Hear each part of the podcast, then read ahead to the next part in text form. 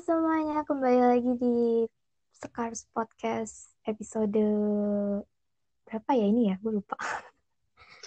anyway, um, di episode podcast hari ini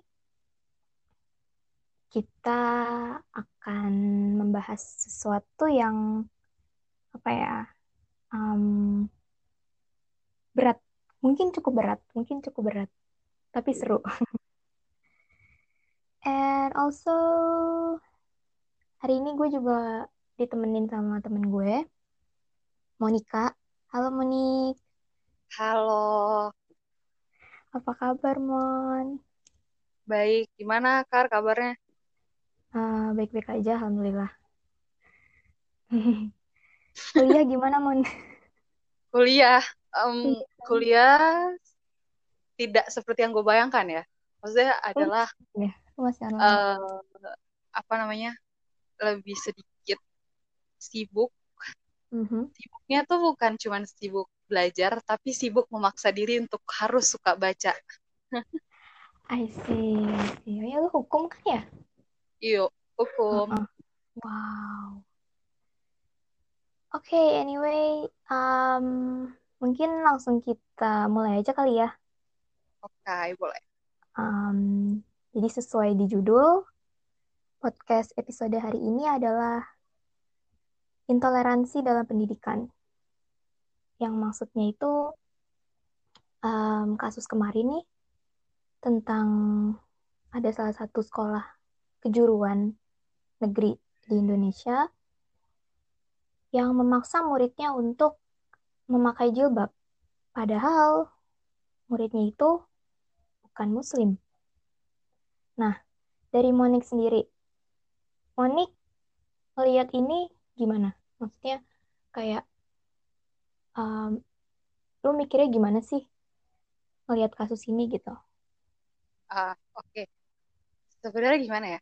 Kasus intoleransi di Indonesia tuh ini tuh bukan kasus pertama gitu. Eh, kemarin gue sempat baca sebelum eh, apa namanya dikeluarin SKB tiga menteri itu mereka bilang kalau misalnya kasus intoleransi itu kayak gunung es yang dilaporin itu sedikit tapi yang nggak kita tahu di bawah-bawah itu tuh banyak banget gitu.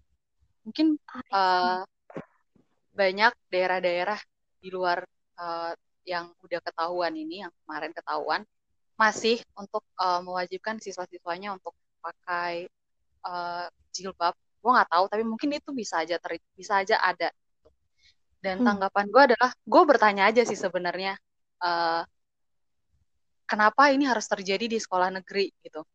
Yang mayoritasnya eh, ini nggak cuman sekolah eh nggak cuman siswanya itu yang Islam doang gitu. Kalau Aha, aha.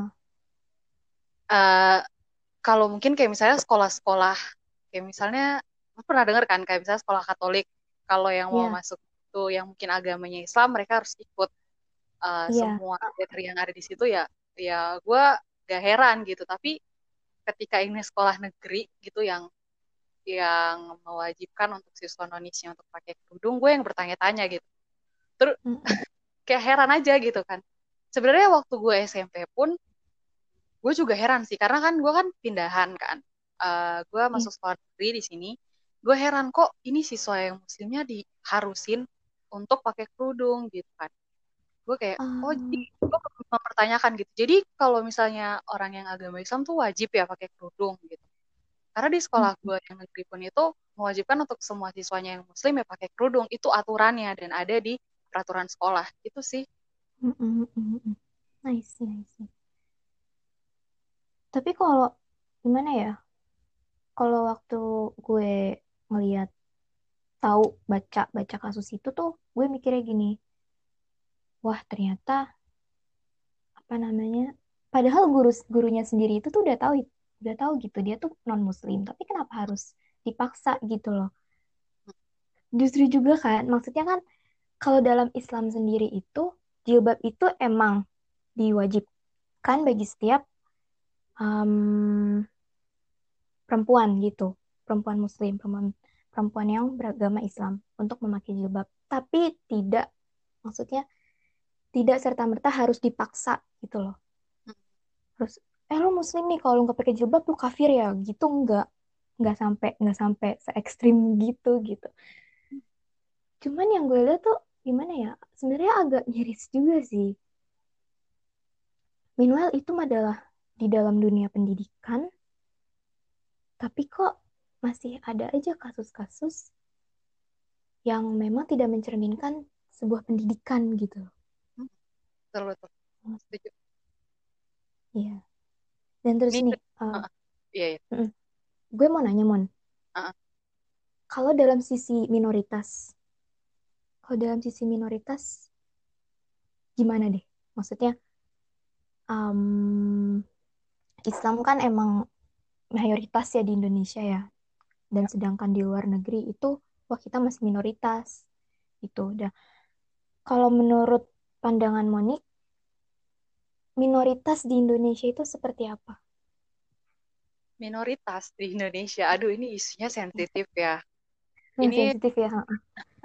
teman-teman yang dengerin ini cuman opini gue pribadi ini bukan opini resmi. Iya. Ini kita eh, generalisasi. Uh, uh, ya, cuman opini. Uh, kalau menurut gue sih gue ngelihat kayak um, minoritas tuh masih uh, gimana ya, masih kurang didengar kurang dapat perhatian lebih. Sorry bukan didengar Hmm, tapi kurang dapat perhatian lebih aja. Mm-mm, kalau misalnya kayak teman-teman lihat atau sering baca uh, beberapa gereja yang susah untuk bangun rumah ibadahnya itu ada itu nyata terjadi di Indonesia. Mm, atau teman-teman lihat ada rumah ibadah yang uh, tiba-tiba digusur gitu. Oh ini ah, langsung pasang pelang nggak boleh bangun rumah ibadah di wilayah itu nyata ada di Indonesia dan kita nggak tutup mata soal itu Uh, itu mm-mm, banyak terjadi di Indonesia jadi ketika ada kasus intoleransi sebenarnya itu udah makanan udah makanan sehari-hari gitu sebenarnya gitu gitu sih mm, iya, iya, iya. I see, I see. Jadi kayak gimana ya? Sebenarnya juga kalau misalnya yang Muslim atau Islam yang masih berada di daerah-daerah minoritas sebenarnya juga merasakan gitu. Jadi sebenarnya ya kita sama aja gitu, beriringan. Maksudnya kayak yang gue lihat kan gue kan em, karena jurusan gue HI, jadi gue secara internasional belajar em, apa yang terjadi di dunia di dunia gitu. Jadi kalau misalnya, jadi menurut gue itu em, Islam di negara yang minoritas, maksudnya jika gue nih, gue pergi ke luar negeri, gue jadi minoritas kan, gue jadi minoritas, and then ya gue juga merasakan gitu gimana rasanya minoritas di Indonesia. ah iya betul Iya, heeh. Sedangkan kalau Islam di negara minoritas itu kita nggak seenak, maksudnya nggak seleluasa kita berada di dalam negeri yang mayoritas gitu loh. Hmm.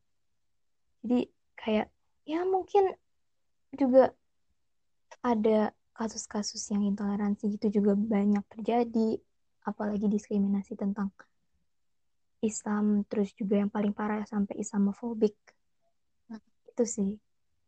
Jadi gue mikirnya coba deh kalau ke luar negeri pasti ngerasain rasanya jadi minoritas tuh kayak apa gitu. Jadi bahkan kayak soal kayak ya, uh, uh, uh, uh, uh, uh.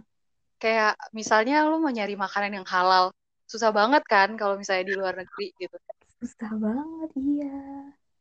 Masih jarang sih sebenarnya dan juga rumah-rumah ibadah pun masih Mm-mm. masih susah ya masih masih susah. jauh uh, mungkin Iya.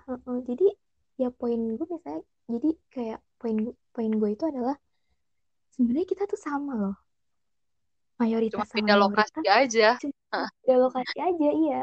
Mm-mm. Terus juga gimana ya Mon ya, gue tuh mikirnya em, hanya karena mino, hanya karena mayoritas, jadi kita tuh nggak boleh, maksudnya kita nggak serta merta. harus menjadi superior gitu terus kita kayak injek-injek yang minoritas gitu ibaratnya gitu ya Di, cuman just because just because Islam adalah mayoritas di sini kita nggak boleh serta merta memandang minoritas itu kayak apa ya? Kayak suatu um, hal yang aneh. yang iya beda sesuatu yang aneh. Heeh, exactly exactly. Tapi ya tadi kan lu ngomongin soal uh, intoleransi di dunia pendidikan. Itu menarik loh sebenarnya. Uh, karena gimana ya? Sebenarnya sekolah tuh merawat uh, pandangan gue ya. Sekolah tuh merawat into uh, merawat budaya intoleransi ada oh beberapa sekolah yang merawat budaya intoleransi yang biarkan siswa-siswanya ini bukan cuma soal agama ya intoleransi Mm-mm. tentang uh, identitas lo dari mana suku lo apa etnis lo apa golongan lo apa itu tuh jadi jadi uh, sesuatu yang dirawat sama budaya sekolah gitu yang siswa-siswanya ngerasa itu biasa aja itulah kenapa Mm-mm. mungkin uh, apa namanya isu-isu atau permasalahan intoleransi itu banyak terjadi di sekolah ya Mm. karena sekolah siswa-siswanya menganggap itu hal yang bercanda dan itu hal yang biasa aja gitu padahal sebenarnya kan kalau kita lihat sekolah itu kan ibarat kata adalah rumah kedua untuk lo belajar karena lo ketemu sama banyak Iya. orang dari berbagai daerah uh, lo ketemu orang yang beda apalagi kalau misalnya lo masuk sekolah negeri itu Iya. pasti pasti lo ketemu sama orang yang berbeda 100% bisa jadi dari Mm-mm. asalnya dari Kalimantan atau dari mana gitu Iya. Dan uh, sejauh ini gue sih belum pernah yang ngalamin yang namanya tole uh, apa namanya kena sentil gara-gara agama di sekolah. Itu belum pernah gue alami. Cuman kalau misalnya ngomongin soal uh, identitas lo itu sering banget terjadi di sekolah gitu. Kayak misalnya lo Mm. diledek uh, apa namanya kulit lo gelap banget sih gitu kan. Lo nggak gerah Mm. apa tiap hari lo pakai manset gitu. Itu karena kulit gue agak gelap ya teman-teman. Terus Mm. kayak kalau disapa tuh biasanya panggil eh Ale dari mana gitu kayaknya siswa itu beberapa siswa tuh ada yang menganggap bahwa uh, timur itu ya di Ambon gitu kayak Ah. mereka tuh nggak tahu gitu misalnya gue padahal gue dari Kupang tapi mereka uh, nyapa gue dengan bahasa itu gitu padahal yang yang sebenarnya itu bukan domisili gue sebenarnya gitu berarti kan ada salah satu hal yang ada gap nih siswa ternyata nggak tahu ya Iya. timur itu tuh bukan cuma Ambon gitu Iya. Heeh. Atau mungkin oh iya yang menariknya adalah uh, lo tahu nggak Sabang Merauke programnya uh, staf khusus presiden Ayu Kartika Mm, mm-mm. Pernah dengar?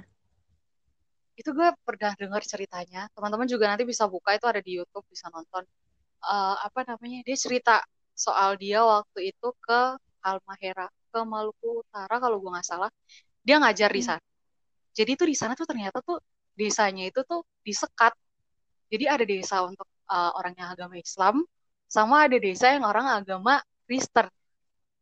Terus ketika Mm. ditanya nih siswa-siswa yang agama Islam uh, bukan siswa orang tua orang tuanya ditanya uh, mereka jawabnya adalah oh orang Kristen nanti bakar kita rumah gitu. Bakar-bakar kita rumah. Dan kalau ditanya yang orang Kristennya anggapannya juga sama gitu.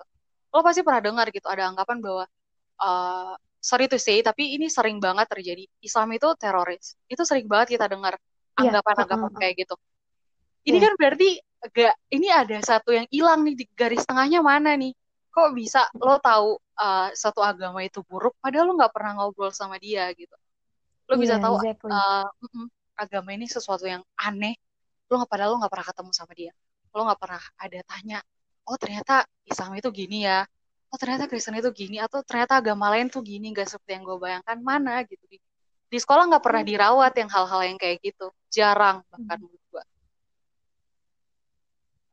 Hmm.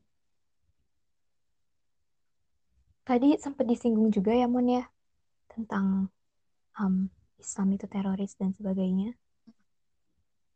Jadi, gue mau cerita aja. Gue punya temen dari luar. Dan dia tuh suka nanya-nanya tentang Islam ke gue. Eh, Islam tuh gimana sih? Kok, um, apa namanya, banyak banget kekerasan atau violence atau yang memandang Islam itu adalah sebuah agama yang Islam itu teroris dan macam-macamnya. Dan gue bilang ke dia, kalau um, itu bukan salah agamanya, itu cuma salah orangnya. Ya sih? Betul betul. Gue setuju sih. Iya, Heeh. Itu salah, itu salah, bukan salah agamanya, tapi itu salah orangnya, orangnya sendiri atau manusianya sendiri yang berinterpretasikan sebuah suatu agama jadi keyakinan dia gitu. Dan dan mungkin dengan apa namanya dibilangnya Islam itu teroris itu mungkin karena memang ada beberapa media yang emang benci Islam dan something like that gitu loh. Gue bilang ke dia, itu bukan salah agamanya. Semua agama nggak pernah diajarin buat kekerasan, kekerasan kan? Atau semua agama melarang misalnya pembunuhan dan juga apa namanya kekerasan dan semacamnya seperti itu. Gak ada agama yang mengajarkan seperti itu. Itu adalah salah manusianya sendiri. Gue ngomong ke dia kayak gitu. Bener sih. Kadang-kadang tuh ada ya orang tuh yang kayak agama misalnya ngajarin apa. Terus dia mentransformasi ajaran itu jadi sesuatu yang yang justru di salah gitu loh. Itu terus iya, salah tuh diajarin ke orang orangnya juga jadi ikut-ikutan salah. Akhirnya apa bertebaran ke mana-mana ajaran yang salah. Mm -mm. Padahal memang dari awal kan nggak seperti itu gitu kan. Ini memang menarik sih sebenarnya. Agama agama tuh apalagi di Indonesia ya itu nggak bisa banget dipisahkan dari dari dari politik, dari budaya, dari ekonomi. Ya, ya kan? Ya. Uh -uh. Benar banget sambung menyambung gitu. Terus nilai-nilai yang selama ini kita pelajarin juga banyak-banyak banyak banget nilai agama gitu di dalamnya gitu. Yang, yang jadi panutan kita untuk hidup tuh kayak apa ya? Banyak kan dari nilai mm -mm. agama kan? Mm -mm. makanya akan jadi sangat berbahaya kalau misalnya salah ada orang yang salah untuk memahami gitu. Salah yeah. memahami ajaran gitu.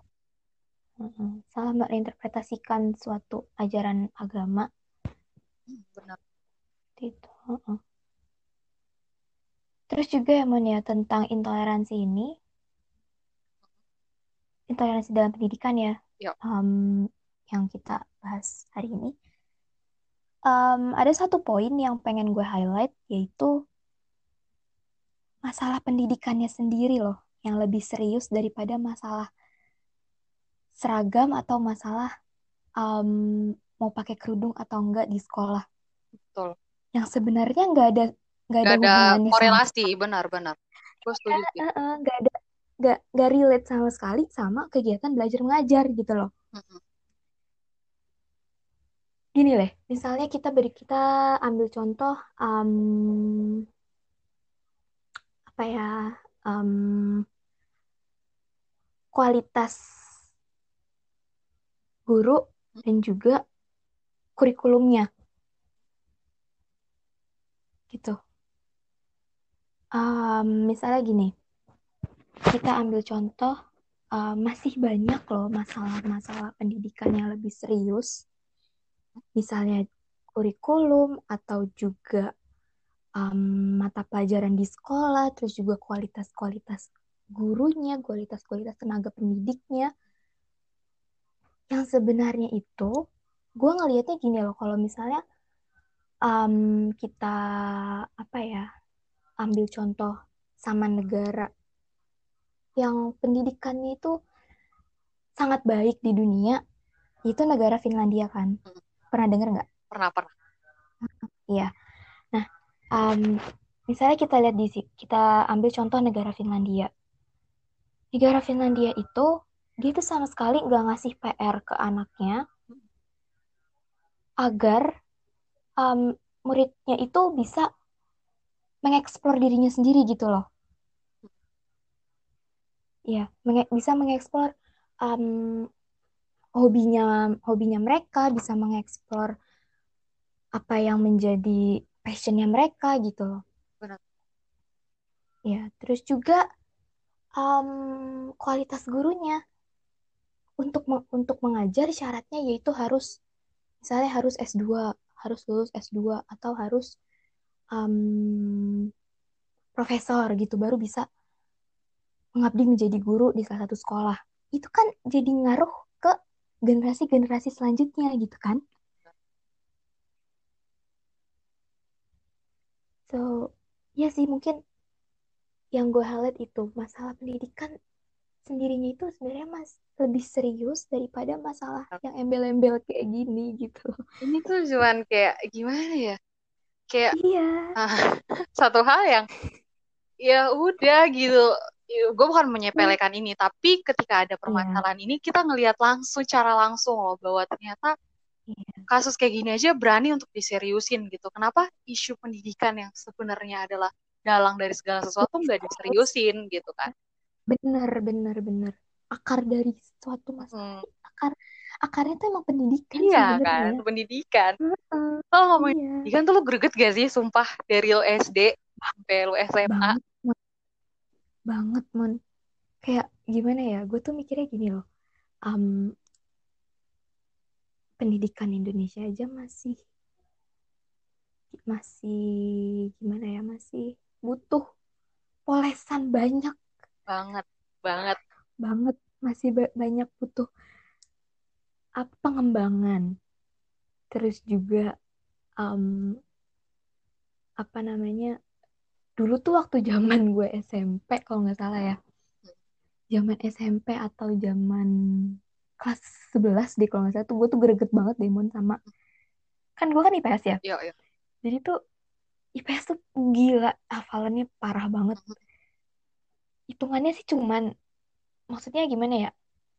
Eh, mata pelajaran yang memang otak atau um, Logika gitu-gitu ya, logika logika itu cuman berapa persen daripada menghafal. pelajaran-pelajaran menghafal bener banget kayak gimana ya menghafal tuh 80 persen menghafal tuh kira-kira 80 persen logika dan hitungan itu paling cuma ekonomi matematik udah 20 persennya doang.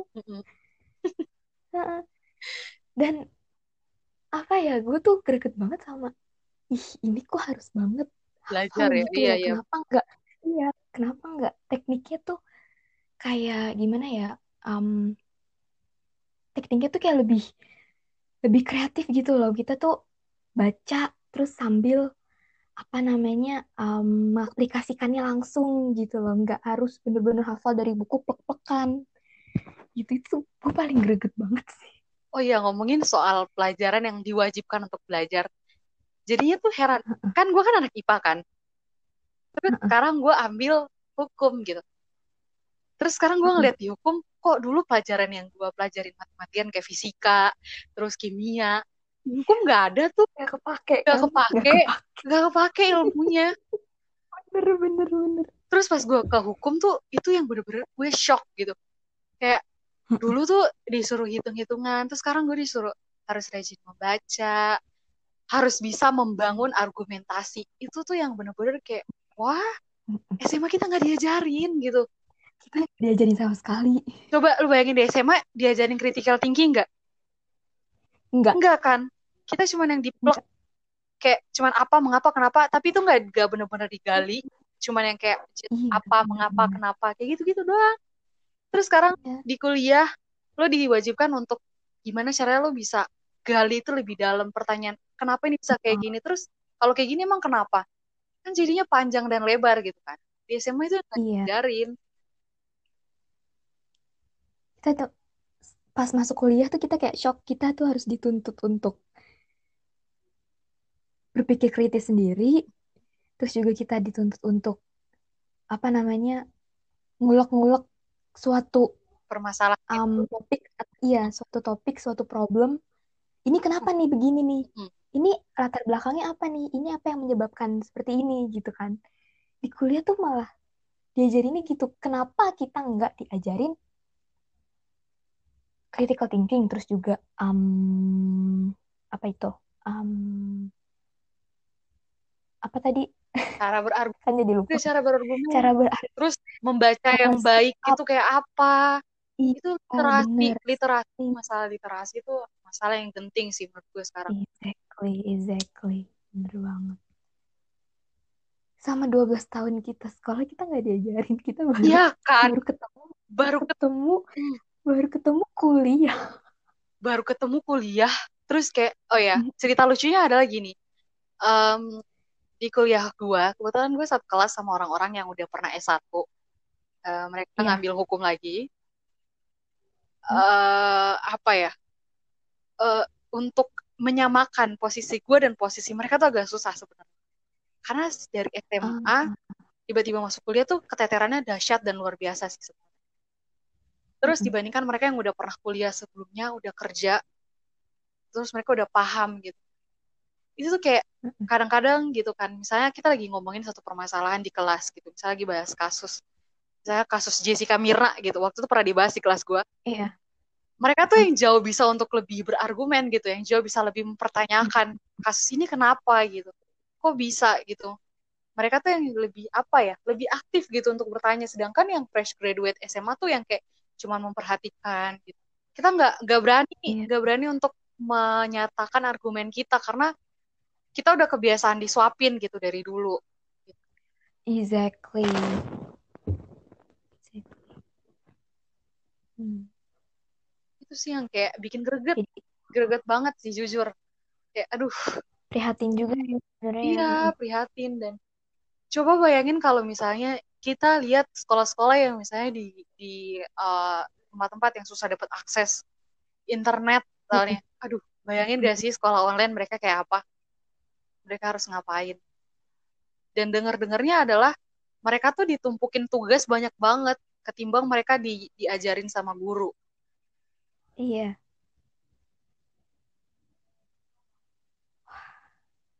Itu sih yang bikin gue greget juga cuman gimana ya? eh, gue tuh mikirnya gini. Kita aja yang udah berprivilege maksudnya yang udah enak nih kita tinggal di kota. Itu aja kita masih keteteran loh. Maksudnya Betul. kayak ini kok tugas mulu, tugas mulu, tugas mulu. Terus juga kan em, selama apa namanya pembelajaran online ini kan nggak semua orang yang nyaman ya. Hmm, Maksudnya benar. kesusahan dalam Kuota lah. suatu pelajaran, Iya. kota lah, macam-macam, internet lah. Ini lagi yang apa namanya yang susah dapet, yang tidak berprivilege seperti kita, yang tadi susah dapat akses internet, terus juga sekolahnya cuma dikasih tugas doang, nggak dibimbing, bener-bener dibimbing gitu loh. Gue nggak bisa ngebayangin sih. Susah. Kita kayaknya bakalan ketinggalan jauh-jauh banget. Emang udah ketinggalan Hmm. jauh nggak sih? Ya kan? Aduh, banget. gue tuh memikirkan bagaimana caranya supaya kita bisa mendobrak itu tuh adalah PR kita loh. Gue mikirnya keras. Bagaimana ini?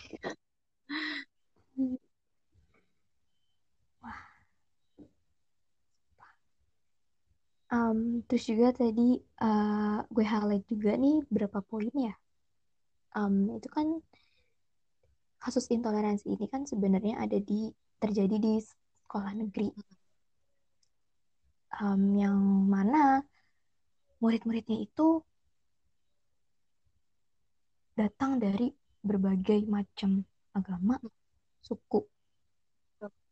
Terus juga Indonesia juga merupakan negara yang meng- menganut agamanya banyak. Pluralisme. Cuma Indonesia tuh plural. Iya, iya, banyak.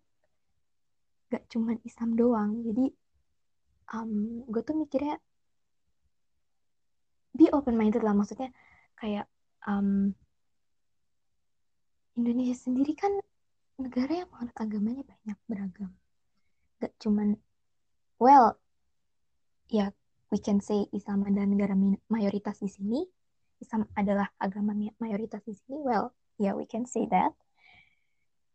Tapi juga negara agama-agama lain penganutnya kan juga banyak, gak cuma satu agama doang. Jadi ya kita nggak bisa serta-merta harus memaksakan kehendak untuk mengikuti mayoritas itu gitu. Benar. Mentang-mentang, jangan mentang-mentang mayoritas, kita jadi memaksakan kehendak untuk mengikuti lu eh gue mayoritas lu di sini terus kita jadi serta merta semena-mena merasa superior terus juga um, jadi yang agama-agama yang lain harus ngikut ke kita karena kita mayoritas di sini enggak itu sama sekali. Gak boleh. Eh ngomongin soal sama sekali kita enggak maksa maksain kehendak. Gue juga waktu waktu SMP uh, yang gue ceritain tadi waktu SMP sekolah gue wajibin untuk pakai hmm. yang bisa pakai hidung. Uh, gimana ya? Gue lebih setuju ketika mereka memilih sendiri. Gue lebih exactly. uh, mereka memilih untuk karena yeah. kan udah remaja ya kita punya kehendak bebas kita berhak untuk memilih gitu pilihan yang terbaik untuk diri kita. Dan ini loh mungkin ini bisa menjadi salah satu latihan kita untuk memutuskan sesuatu. Belajar mengambil yeah. keputusan. Mengambil keputusan benar. kenapa kita nggak dimintain untuk ya udah ya silakan pilih kalau kamu beragama muslim mau pakai kerudung boleh kalaupun enggak juga itu pilihan kamu gitu. Kita nggak nggak memaksakan itu. Yeah Benar, benar. Karena waktu SMP itu kan uh, ada kan beberapa yang memang yang bukan uh, hijabers gitu. Terus mereka misalnya keluar yeah. ke satu tempat, mereka nggak pakai kerudung tuh. Terus mereka ketemu sama mm-hmm. orang lain. Itu bisa jadi bahan gibah loh. Kayak, ih dia kan di sekolah kan yeah. pakai kerudung. Bisa kayak masa kayak jamet sih di luar gitu rambutnya suka kelihatan di luar tuh rambutnya warna-warni yeah. di cat dan segala macam yeah. gitu jadi kan menimbulkan apa ya menimbulkan dosa lain gitu loh jadinya jadi bahan omongan gitu kasihan sih sebenarnya. Ya setuju sih masalah um, memutuskan sendiri itu. Karena memang Indian ya karena memang akhirnya ya agama itu diri kita sendiri sama Tuhan udah. Cuman satu cuman satu lain satu garis aja diri kita sendiri sama Tuhan udah. Orang lain mah orang lain mah nggak ada hubungannya sama sekali. Karena emang pada akhirnya kita beribadah untuk siapa? Untuk Tuhan kan? Gitu loh. Iya karena Gue mikirnya. uh, benar-benar uh, kita nggak berusaha untuk nyenengin orang lain dengan uh, atribut iya. keagamaan enggak enggak. Itu kita kemauan kita dan uh, pemahaman kita sama ajaran agama kita gitu loh. Itu nggak bisa dipaksa sebenarnya. Benar,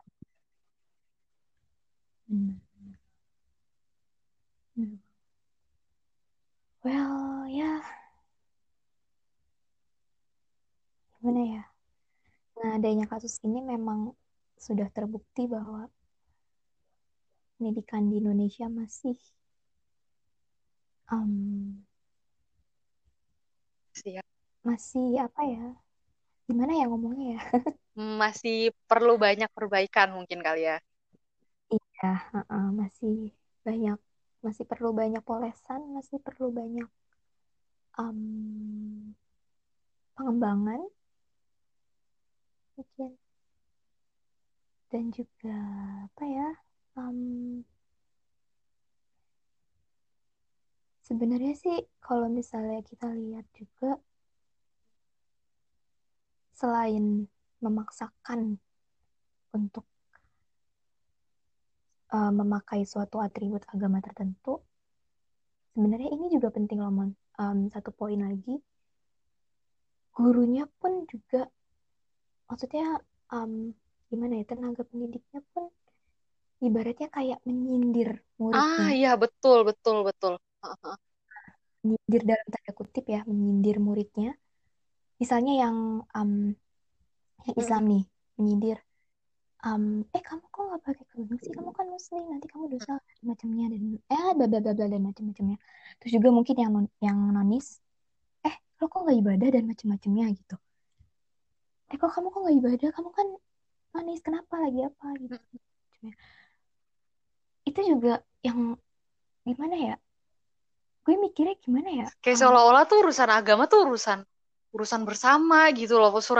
Urusan beribadah. Iya. maksud gue adalah urusan beribadahnya. Iya. Hmm. benar kayak ya ini kan hak hak masing-masing orang benar. enggak itu hak masing-masing orang. Hak masing hak masing-masing orang.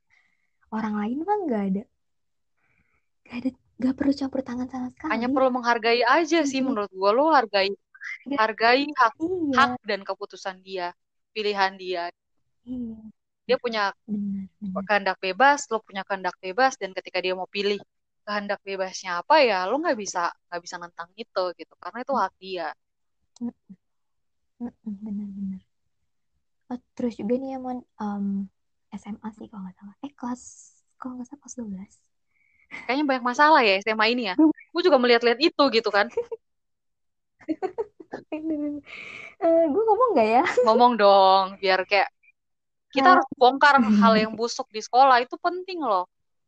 Siapa tahu karena ini bukan pendengar kita mungkin ada ya- pendengar lo mungkin ada yang ngalamin sih kayaknya Em, jadi kelas 12 itu setiap pelajaran agama yang muslim yang ya pelajaran pelajaran agama Islam yang muslim mau yang pakai kerudung maupun yang enggak itu harus yang perempuan itu harus bener-bener rata pakai kerudung semua. Itu harus kelas 12 kemarin. Oh iya betul ya. Jadi tuh uh-uh. jadi kan emang gue kan di sekolah kan pakai kerudung ya jadi ya ya udah ya fine fine aja cuman yang muslim atau yang yang belum memakai atau yang tidak pakai kerudung yang tidak pakai jilbab itu harus setiap pelajaran agama itu harus dipakai gitu loh Mon. kalau nggak dipakai dapat hukuman Hmm. oh iya gitu iya jadi uh-uh. jadi gue mikirnya gimana ya waduh kayak ibaratnya tuh kalau di kalau di dalam Islam itu jilbab itu adalah sesuatu yang itu adalah sesuatu yang apa ya bukan sekedar kain bukan sekedar kain penutup kepala tapi itu adalah sebuah identitas. Hmm. jilbab itu adalah sebuah identitas. Jadi tuh gue mikirnya kalau yang kalau cuman pelajaran agama doang dipakai value-nya apa dari sebuah jilbab itu? Korelasinya apa nggak sih gitu kayak lantas ketika iya. dia pilih dia pakai kerudung hanya di jam agama aja apakah itu merubah nilai dalam dirinya dia atau enggak gitu. Ben- itu aja. Bener bener that's the point. Iya jadi tuh gue tuh mikirnya gue tuh mikirnya gini loh um, di dalam Islam itu jilbab itu adalah sebuah bukan hanya sekedar kain penutup kepala tapi itu adalah sebuah identitas dan juga sebuah pelindung bagi diri sendiri. Dan itu gue tuh memandangnya jilbab itu adalah sebuah value yang tinggi gitu loh. Maksudnya kayak untuk um, perempuan muslim atau muslimah yang untuk memutuskan akhirnya memutuskan untuk berjilbab itu dia adalah sebuah keputusan yang berat bener-bener berat harus butuh gimana ya maksudnya? um, sesuatu yang serius. sesuatu yang serius gitu loh. Mm-mm. Mm-mm. jadi nggak bisa jadi nggak bisa. di di apa ya namanya? Nggak bisa diintervensi sama orang sih itu hal. Nggak bisa iya nggak bisa dipaksa apalagi cuman gara cuman karena pelajaran sekolah doang. Gue mikirnya gitu. Kalau misalnya hanya pelajaran agama dipakai terus abis pelajaran agama udah lepas lepas lagi dan ya udah balik lagi ke semula. Gue tuh mikirnya ibaratnya tuh kayak um, value sebuah jilbabnya itu tuh nggak ada gitu. Gue tuh mikirnya gitu. Itu yang gue rasakan itu yang gue apa ngerasa nggak serak dan juga meresahkan gitu ya kemarin Oh iya, eh, selain tadi pakai eh, yang pakai kerudung pada saat pelajaran agama, kita nggak pernah ya kayak misalnya eh, yang Kristen boleh apa ya eh, boleh untuk diskusi atau diadakan ruang diskusi lintas agama gitu di sekolah. Yang Kristen boleh belajar yang agama Islam itu kayak apa, yang Islam boleh belajar Kristen itu seperti apa. Pernah nggak sih?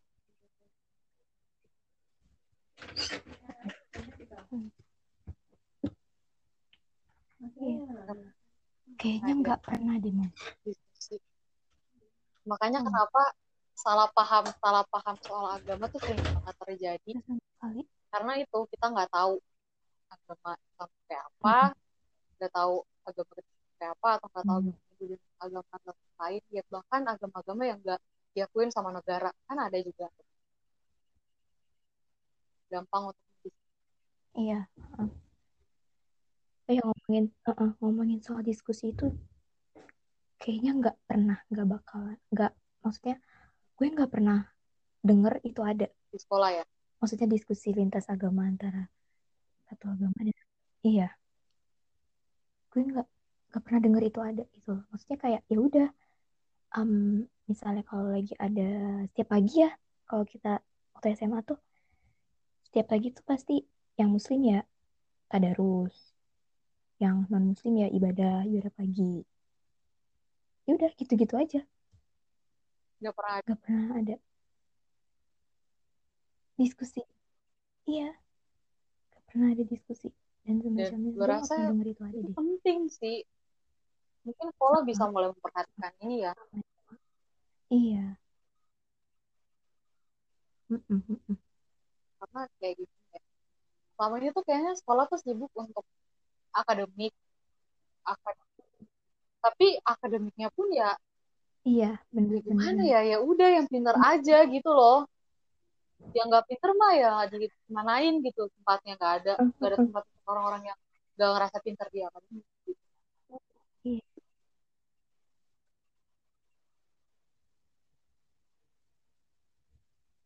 Mementingkan, maksudnya lebih mementingkan ini ya, apa namanya, ya agak akademik nah, daripada moral eh lu moral. selama ini kita de- sering dengar banget eh, di sekolah tuh ngomongin soal moral tapi pelajaran moralnya tuh mana apa apa Heeh.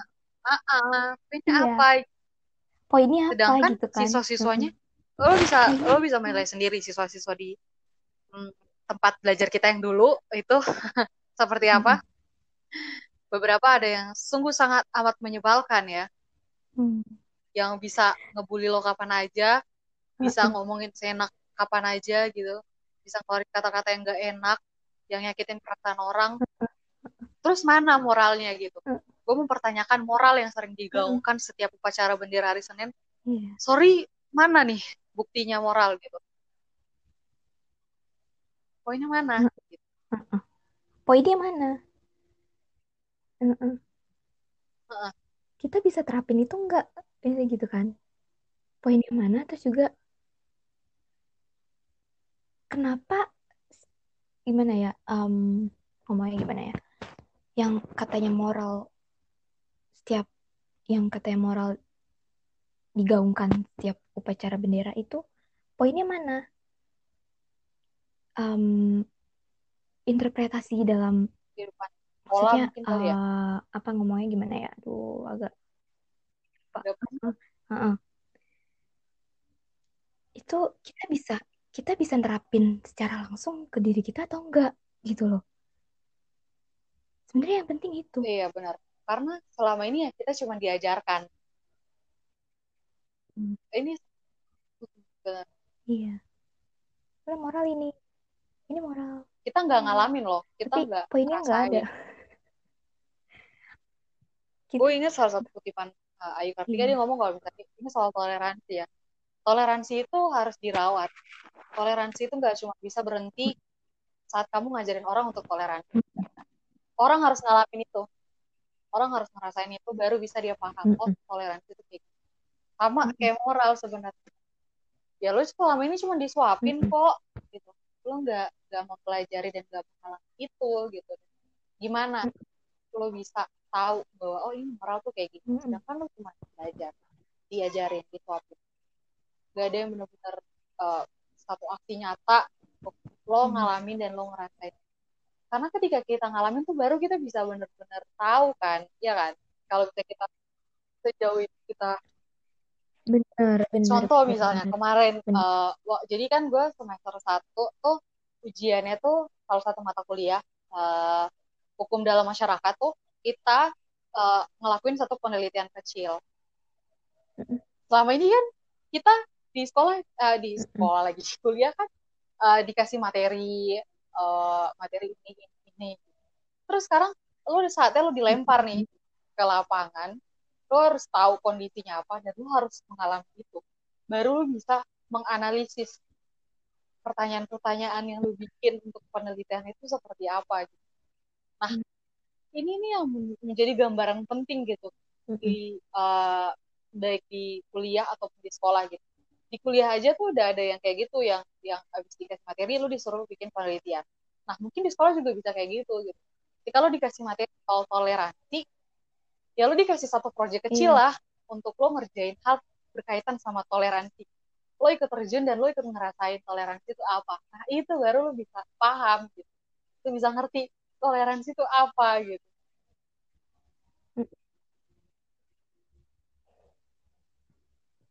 Benar-benar setuju banget, setuju banget. Justru kalau misalnya kita mengalami sendiri, kita jadi lebih mengerti gitu loh. Apa artinya toleransi itu sendiri gitu kan. Daripada kita cuma dengar-dengar dari orang. Kita jadi bisa lebih ngargain orang lain. Terus mm -hmm. lebih ngerti orang lain. Gitu. Benar-benar.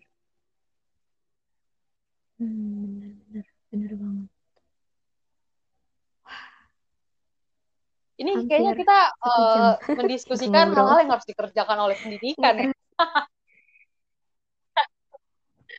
Aduh. Iya, benar-benar. Wah, benar sih benar. Ya, gue juga mikirnya gimana emang ya? Ya dari akarnya aja sih sebenarnya pendidikan itu. Dari ak pendidikan kan akarnya. Kalau akarnya aja belum di maksudnya ibarat ibarat tanaman kalau akarnya benar, rusak kan benar banget. tanamannya nggak bisa tumbuh sama uh -uh. ini an kita analogikan sama negara. Kalau misalnya dari pendidikannya sendiri aja masih belentang-belentong masih banyak masalah macam-macam apalagi masalah embel-embel intoleransi memaksakan untuk memakai salah satu atribut agama tertentu masih dipermasalahkan sedangkan Dan masalah yang lebih serius itu masih banyak. Kok itu nggak di nggak disinggung dan nggak dianggap serius gitu loh dan lagi uh, uh, oh ya by the way uh, lo tahu sekolah rimba nggak sekolah rimba mm -mm. Uh, itu kan gue beberapa waktu lalu uh, gue sempat nonton. Sekolah rimba. Uh, Salah satu kutipan menarik dari film itu adalah kayak gitu. Yeah. Sekolah yang baik adalah sekolah yang mempersiapkan muridnya untuk menghadapi tekanan perubahan. Wah, gue pas denger kata-kata tekanan perubahan, gue langsung merefleksikan hmm. ke sekolah gue sebelum-sebelumnya. Tekanan perubahan. Enggak tuh, kesan gue gak pernah diajarin untuk menghadapi tekanan perubahan di masa depan. Gue belajar itu sendiri gitu. Kayak iya ya benar juga ya. Dan fakta menariknya adalah di sekolah rimba itu mereka nggak memaksakan anak-anaknya kan itu kan mereka uh, di tempat-tempat yang memang butuh akses untuk uh, dan memang pendidikan kan. Ke daerah itu dan diajar uh, mereka nggak maksa untuk anak-anaknya oh hari ini wajib belajar matematika sesuai biasanya kan kalau kita di sekolah kan ada jadwal tuh hari Senin matematika hari Selasa apa enggak di mereka tuh ya sesuka mereka oh mereka mau belajar apa hari ini yeah. pilihan mereka mereka mau apa gitu. dan mm. salah satu apresiasi waktu gue nonton film itu adalah yeah, yeah. Uh, jadi ada anak juga mereka tuh nggak bisa baca dan mereka tuh nganggap bahwa pendidikan tuh adalah uh, hal yang satu hal yang jahat bagi mereka. Jadi mereka gak mau gak mau kenal sama pendidikan gitu. Terus satu satu hmm. waktu pendidikan itu masuk ke sana melalui uh, kabutet inisiatif sekolah ringga banyak penolakan terjadi sama di antara orang tua sama anaknya pengen belajar orang tuanya ngelarang. Ngapain belajar gitu. Kan ini orang-orang orang-orang pintar kan yang suka nebang-nebangin pohon kayak gimana gimana. Tuh terus uh, apa namanya pada akhirnya uh, tujuan dari sekolah rimba ini adalah gue ternyata ketika uh, diceritain itu akhirnya anak-anak ini bisa baca. Mungkin sepele ya ini mungkin bisa baca sepele bagi bagi yang dengerin. Hmm. tapi kalian harus tahu mereka bisa baca apa? Bisa baca perjanjian yang dibuat sama orang-orang yang suka nebang pohon antara mereka sama masyarakat adat. Mereka akhirnya bisa tahu kerugian apa yang selama ini mereka alamin, apa yang selama Hmm. ini mereka nggak tahu, mereka tahu gara-gara mereka bisa baca. Wah gila, itu mukul gue cukup telak loh, kayak wah iya ya, Iya. itu loh intinya loh. Sekolah tuh itu. Heeh. Hmm. Gue bener-bener gak bisa berkata-kata lagi kayak, iya, gue pun waktu nonton waktu nonton film itu tuh Ya kayak kan, lu nyesek kan, lu lihat bahwa gitu loh justru gimana orang sih pintar loh filmnya. yang nebangin pohon, orang yang tahu pendidikan, yang ngerti pendidikan, dan haus sama sumber daya alam gitu. Itu yang sebenarnya agak-agak gimana. Bener, bener, bener.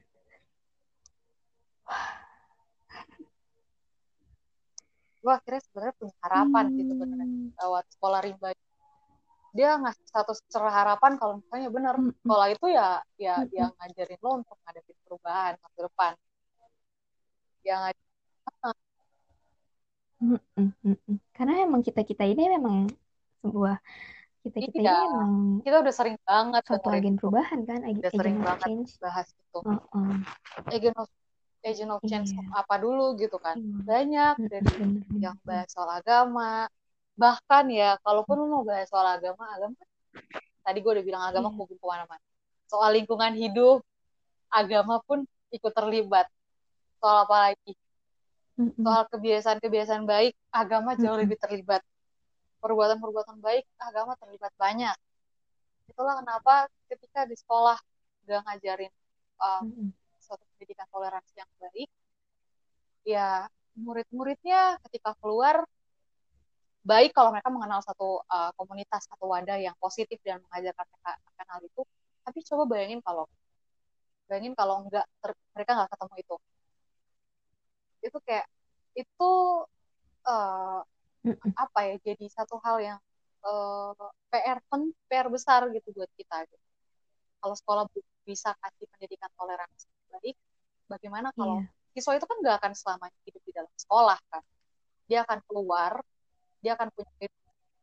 betul, Bener. Ah, benar. Akan keluar dia Dan kalaupun dia di sekolah aja dia nggak bisa belajar toleransi sama orang di tempat agama yang lain atau etnis yang lain, bagaimana ketika dia keluar dan dia ketemu sama orang yang mungkin bagi pandangan dia tuh aneh, super aneh, Iya. gimana? Kan jadi pertanyaan. Bener, bener, bener. Yang Benar, benar, itu memang banget. di lapangan sih Gue sebenarnya. kemarin yang penelitian Di tuh gue ngerasain banget. Lap- belajar dari lapangan, lo ngedengerin orang, terus mereka cerita apa. Dan by the way kemarin gue sempat singgung soal lingkungan hidup juga tentang uh, uh, hutan. Dan sebenarnya belajar dari orang-orang baru tuh seru. Belajar di lapangan tuh seru banget, ya kan? Lo punya pengalaman gak belajar di lingkungan Iya, luar? bener. Banyak sih sebenarnya gue juga udah ikut-ikut beberapa event-event. Terus um, workshop juga gue pernah ikut. Dan emang apa ya, gue tuh malah ibaratnya tuh kayak lebih enakan belajar di luar daripada belajar di sekolah gitu. Maksudnya yang cuman um, kita berkutat sama buku, tapi sebenarnya tuh yang lebih penting itu kita tuh ngalamin ya di sendiri lapangan. gitu loh. Itu sih. Karena teori yang dikasih itu nggak iya, 100% berjalan bener. di lapangan sesuai dengan yang kita belajar. Mm-mm. Iya, Nanti bener-bener. gue rasa siswa-siswa SMA sih akan shock Bener deh kali- banget. ketika kuliah.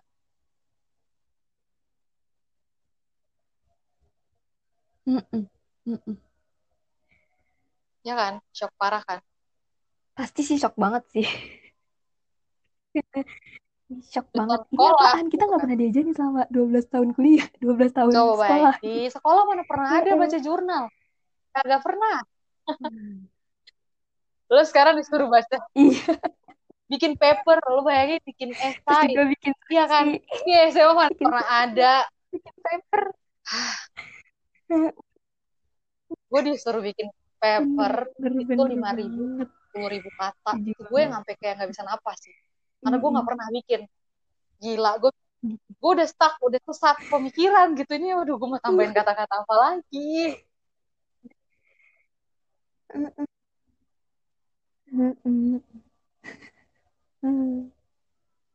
Gitu sih.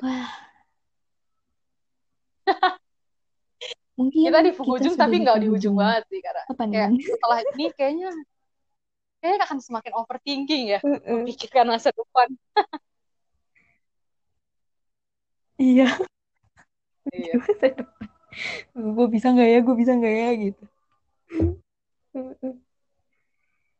Oke, em, mungkin karena kita ngobrolnya banyak banget dan gue juga nggak nggak sempet nyatet beberapa Gue poin-poin harap pendengar mungkin memahami kita serahkan ocehan kepada ini ya. Karena saja ya. ini harus relate sama mereka. Mm, Ya kan? Kita sekolah negeri memahami kan. Gue jadi ocehan. ngomel-ngomel kan. Mereka pasti paham itu. Kalian harus memahami ini. Oh, by the way. Dan mungkin ya, dan mungkin bisa aja salah satu atau ada pendengar yang memang em, mengalami langsung atau mengalami sebuah intoleransi seperti dalam pendidikan ini, atau mungkin pendengar juga pernah mengalami suatu diskriminasi agama di sekolah mungkin atau selama 12 tahun sekolah SD, SMP, SMA. Dan ya mungkin ya gue harap sih, gue harap um, mungkin beberapa pendengar bisa relate dengan yang kita omongin karena gue nggak ya kali ini tuh gara-gara loncat gitu kan. Nah, gara-gara isu ini tuh, aduh, udahlah. Kalian yang dengerin pasti paham lah maksud ini. Gue Iya, akan berdoa ya kalian akan semoga paham. paham ya, semoga paham. Iya. Oke, em, mungkin kita sudah di penghujung podcast hari ini. Em, untuk poin-poin highlight yang highlight Baik, obrolan baik. kita serahkan kepada pendengar saja ya. Pokoknya kalian, ya. ya, kalian ngerti lah isu pendidikan itu luas banget. Intoleransi Mhm. apalagi. Jadi ya, Heeh. siapkan diri baik-baik aja sih. Iya. Dan juga Ingat, ingat. Sekolah yang baik adalah sekolah yang tekanan mempersiapkan kalian perubahan tadi ya. perubahan. Perubahan, bener, bener banget. Oke, em, Monik terima kasih atas waktunya sudah berkenan Thank you juga, bergabung. Udah podcast undang. episode hari ini. Hmm, Ya, dan juga em, kepada pendengar semua yang sudah mendengarkan sampai habis ocehan kita karena memang ini ini sebenarnya gue nulis Jadinya dalam satu ya? topik tapi em, akhirnya jadi kayak eh, jadi kayak Benar. apa namanya Akar. pohon merembet ke mana-mana. Mm-mm. Iya benar. Dan juga em, kepada pendengar semua ini adalah opini pribadi. Jadi ini kita, uh-uh. Kita tidak menggeneralisasi ya, maksudnya nggak semuanya seperti yang kita uh-uh, yang Oke. kita singgung di obrolan hari ini. Um, Oke, Monik, terima kasih banyak atas waktunya sudah bergabung di episode podcast Good episode hari juga ini. untuk persiapan kuliahnya ya. Gue aja deh.